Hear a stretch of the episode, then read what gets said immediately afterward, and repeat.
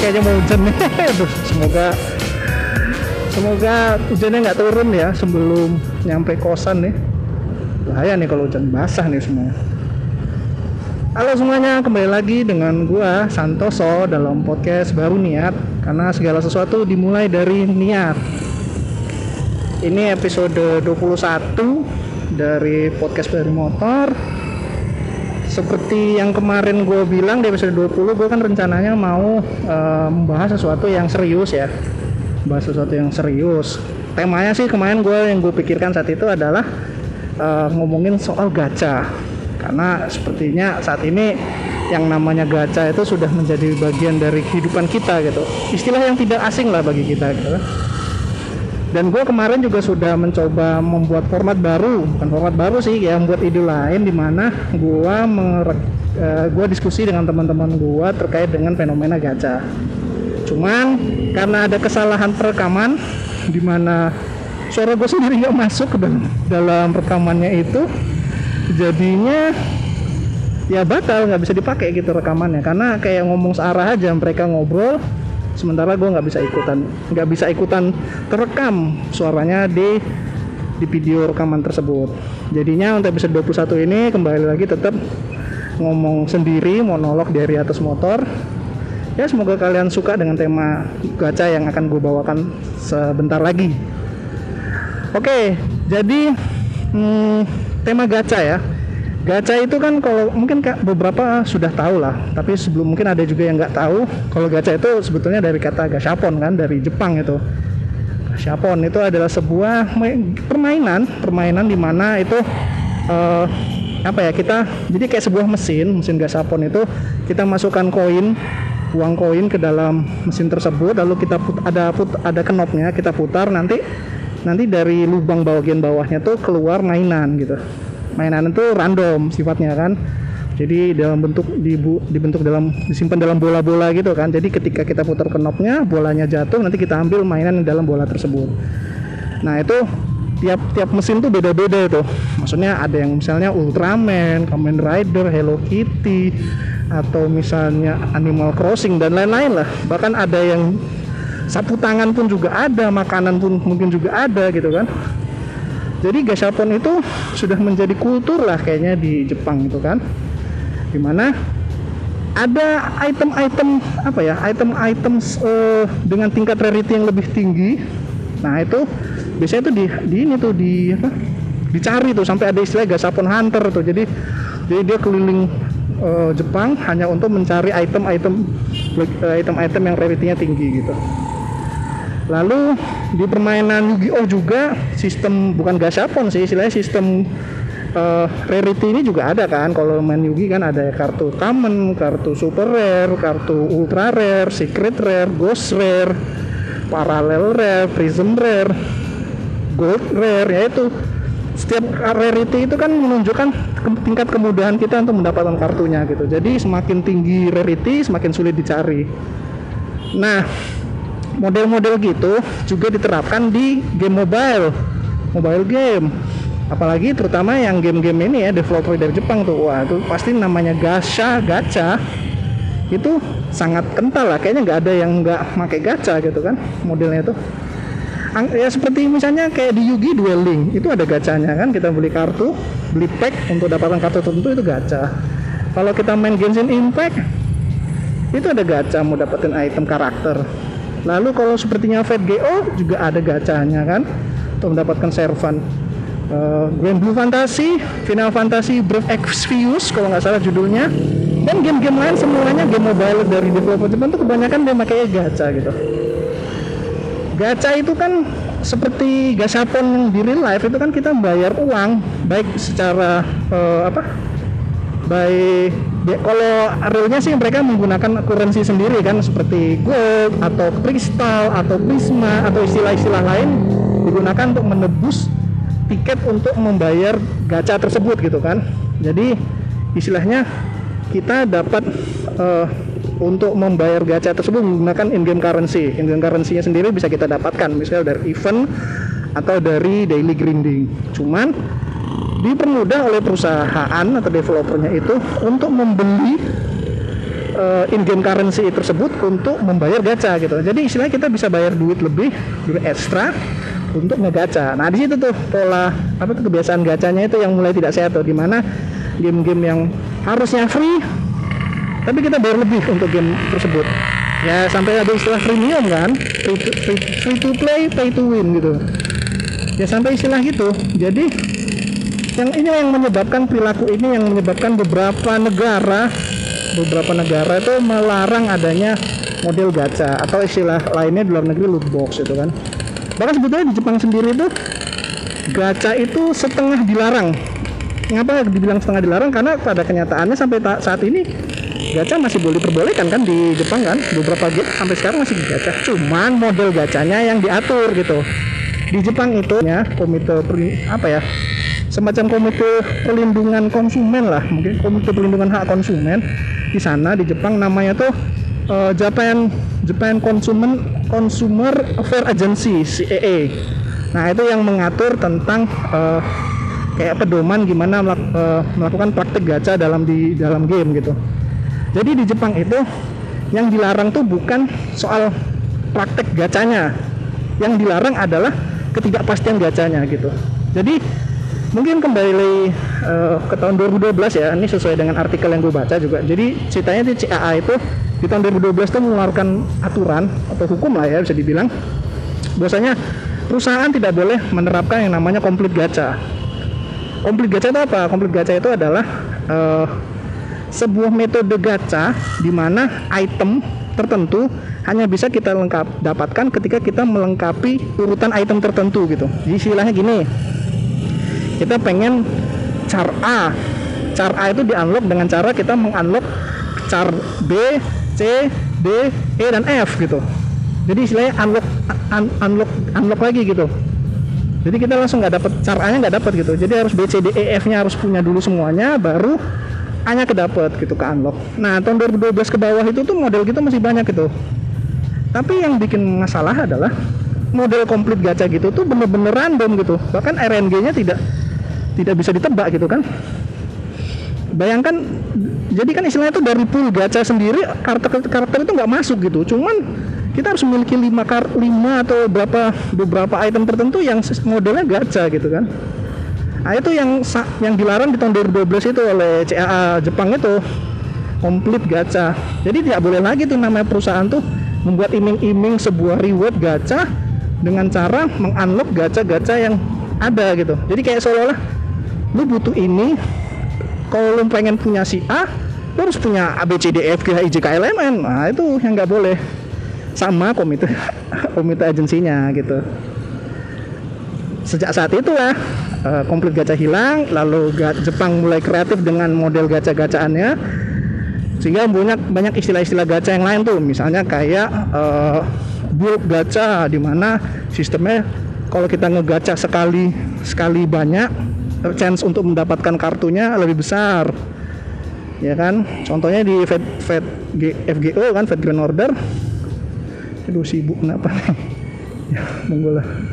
Di FGO itu kan kita bisa gacha satu kali per sekali atau per 10 10 tiket kan. Kalau 10 tiket chance untuk dapatnya lebih tinggi. Ya seperti itu. Itu model aja kan.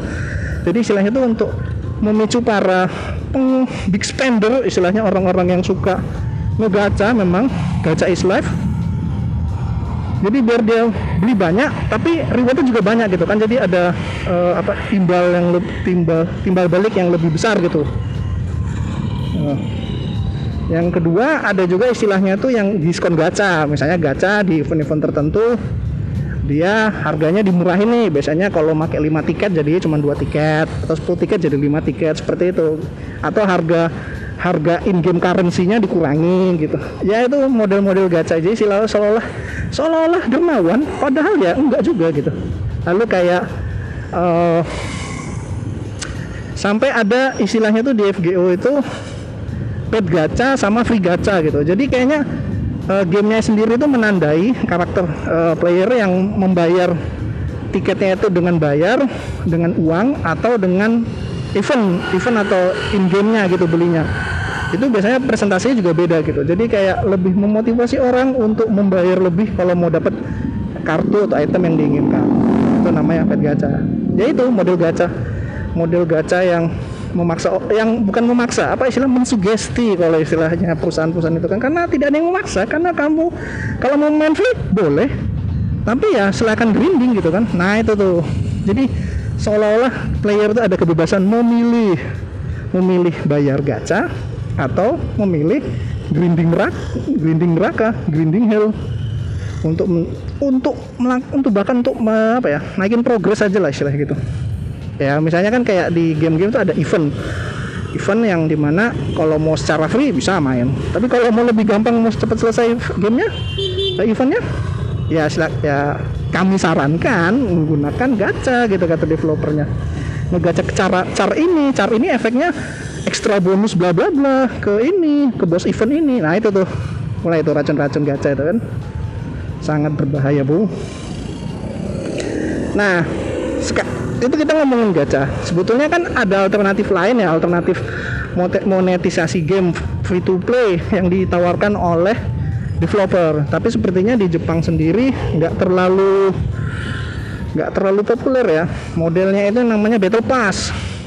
Kalau jadi istilahnya kita membayar semacam apa ya membership premium card untuk mengunlock bonus yang lebih gitu. Itu modelnya sama sih seperti gacha. Eh, enggak enggak seperti gacha sih. Kalau gacha kan e, random kan. Kalau ini kan kita membayar memang kayak membayar ekstra konten untuk untuk game tersebut gitu dan sifatnya itu udah fix itu kan apa yang mau kita dapatkan sudah tertera di battle pass tersebut. Dan ini sifatnya itu uh, hampir sama seperti gacha. Uh, dia tuh memberikan opsi kemudahan bagi player yang untuk bagi player yang membeli untuk menyelesaikan progres uh, gamenya dengan lebih cepat gitu. Free silakan. Tapi kalau mau cepet premium. Nah itu tuh. Seperti game yang gue mainkan saat ini eh yang dulu uh, Ragnarok. Ragnarok online mobile apa? Uh, online yang mobile itu menawarkan premium. Premium bisa kita beli dengan rupiah atau membeli dengan in-game currency. Tapi in-game currency ya harganya setengah mati mahalnya. Itulah gue nggak sukanya RO dulu tuh karena mahal aja. Gameplay menarik cuman mahal semua itemnya. Kalau mau mau cepet ya pakai duit. Nah itu sekali lagi ada pilihan untuk membayar lebih pakai duit. Lalu untuk Genshin Impact sendiri juga ada kan. Jadi ada battle pass sendiri kan jadi progres lebih cepatnya kalau mau progres lebih cepat ya bayar ini battle pass gitu. Dan sekali lagi ditawar uh, untuk battle passnya bisa pakai in game currency. Jadi istilahnya tetap ada opsi untuk melakukan uh, mendapat membayar uh, in game currency selama kamu ya niat grindingnya gitu. Niat main gitu rajin mainnya gitu. Lalu juga ada model ketiga sih.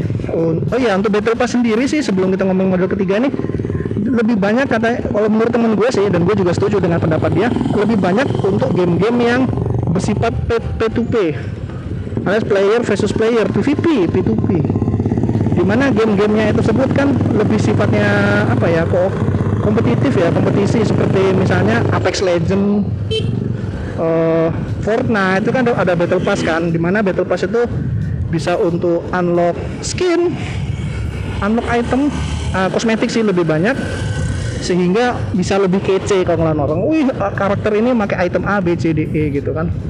Itu namanya ya itu battle pass itu kan. Nggak dimainin pakai battle pass boleh aja nggak masalah. Cuman ya sekali lagi kalau mau dipercepat progresnya gunakanlah battle pass. Modelnya seperti itu. Kalau battle pass kita bayarnya pas kan eh, pasti kan sebulan bayar lebih gitu dibandingkan dengan gacha gitu. Yang yang nggak tahu kita mau menghabiskan berapa gitu dan bisa lebih lebih banyak bayar dibandingkan uh, battle pass gitu. Lalu juga ada model ketiga nih uh, yang kadang-kadang suka ketukar gue sama si battle pass ini itu model subscribe. Model subscribe ini adalah modelnya kita kayak langganan dulu gitu langganan game. Jadi kayak kayak kayak bayar Netflix lah gitu istilahnya itu jadi untuk mengakses keseluruhan keseluruhan fiturnya kita harus bayar full price. Bukan full price bayar bayar bulanan gitu. Itu di game-game online seperti uh, apa? Uh, Good Wars atau uh, siapa itu? World of Warcraft atau Final Fantasy 14 itu contohnya kalau yang itu developer Jepang Final Fantasy 14 jadi kita sistemnya subscribe kan tiap bulan kita harus bayar dengan nominal tertentu mendapatkan full experience-nya. Dan sistem subscribe kan berarti kalau nggak bayar subscribe nggak bisa main gitu. Nggak ada pilihan untuk tidak membayar subscribe-nya. Karena semuanya adalah dikunci di di subscribe itu di subscribe-nya itu bayar subscribe bulanan gitu. Jadi tiga model nih di mana semuanya meminta player untuk membayar. Ketika Battle Pass dan gacha sistemnya sama yaitu mempermudah memberikan opsi kepada player untuk oh, lebih mudah bermain subscribe di satu sisi memaksa player untuk bayar untuk mendapatkan full full experience. Ya kalau mau main semuanya bayar gitu. Tapi dengan uh, apa ya reward bukan reward ya emang gamenya tuh full gitu loh. Jadi nggak ada nggak ada perbedaan antara free player sama gacha apa uh, premium player gitu. Jadi nggak ada istilah itu. Semua sama-sama bayar gitu. Sama-sama bayar semua fit semua player mendapatkan fitur yang sama. Baru barulah kita ini apa uh, bermain dengan kondisi yang sama semua gitu. Ya lebih fair tapi imbasnya kita harus bayar lebih tiap bulannya gitu. Nah tiga model tersebut kemarin sih udah coba gue diskusikan dengan teman-teman mana yang lebih baik mana yang lebih enak. Tapi ya kemarin pada akhirnya kesimpulannya adalah tergantung dari jenis gamenya gitu. Beberapa game memang sepertinya memang tidak bisa diubah modelnya menjadi sistem subscribe ya karena memang gamenya itu tujuannya untuk itu. Untuk monetisasi karakter gitu kan. Ketika karakter yang dijual adalah karakternya kemungkinan besar uh, game tersebut modelnya gacha. Kalau misalnya yang dijual adalah uh, jalan cerita atau progress, mungkin sistemnya battle uh, apa? Sistemnya subscribe. Kalau yang modelnya uh, untuk kosmetik mungkin lebih baik atau lebih banyak dia yang pakai modelnya battle pass. Seperti itu. Jadi masing-masing game tuh berbeda. Terus kalian menurut kalian kalian pilih yang mana gitu kan? Apa pun pilihan kalian ya selama kalian fun dan sanggup membayarnya, gue pikir sih nggak masalah ya. Dan juga semoga uh, ini rekaman diskusi dengan temen gue tuh bisa bisa direkam ulang kan, di take ulang kalau bisa. Sayang banget kalau nggak nggak nggak ke upload gitu. Aduh hujan. Oke, gue udah di depan kosan. Gue cukupkan dulu pos gue kali ini episode 21. Thanks sudah buat buat semua yang udah dengerin. Kita udah mau mendekati akhir tahun ya. Semoga kalian semua sehat. Ini gua Santoso dari podcast Baru Niat. Sampai jumpa.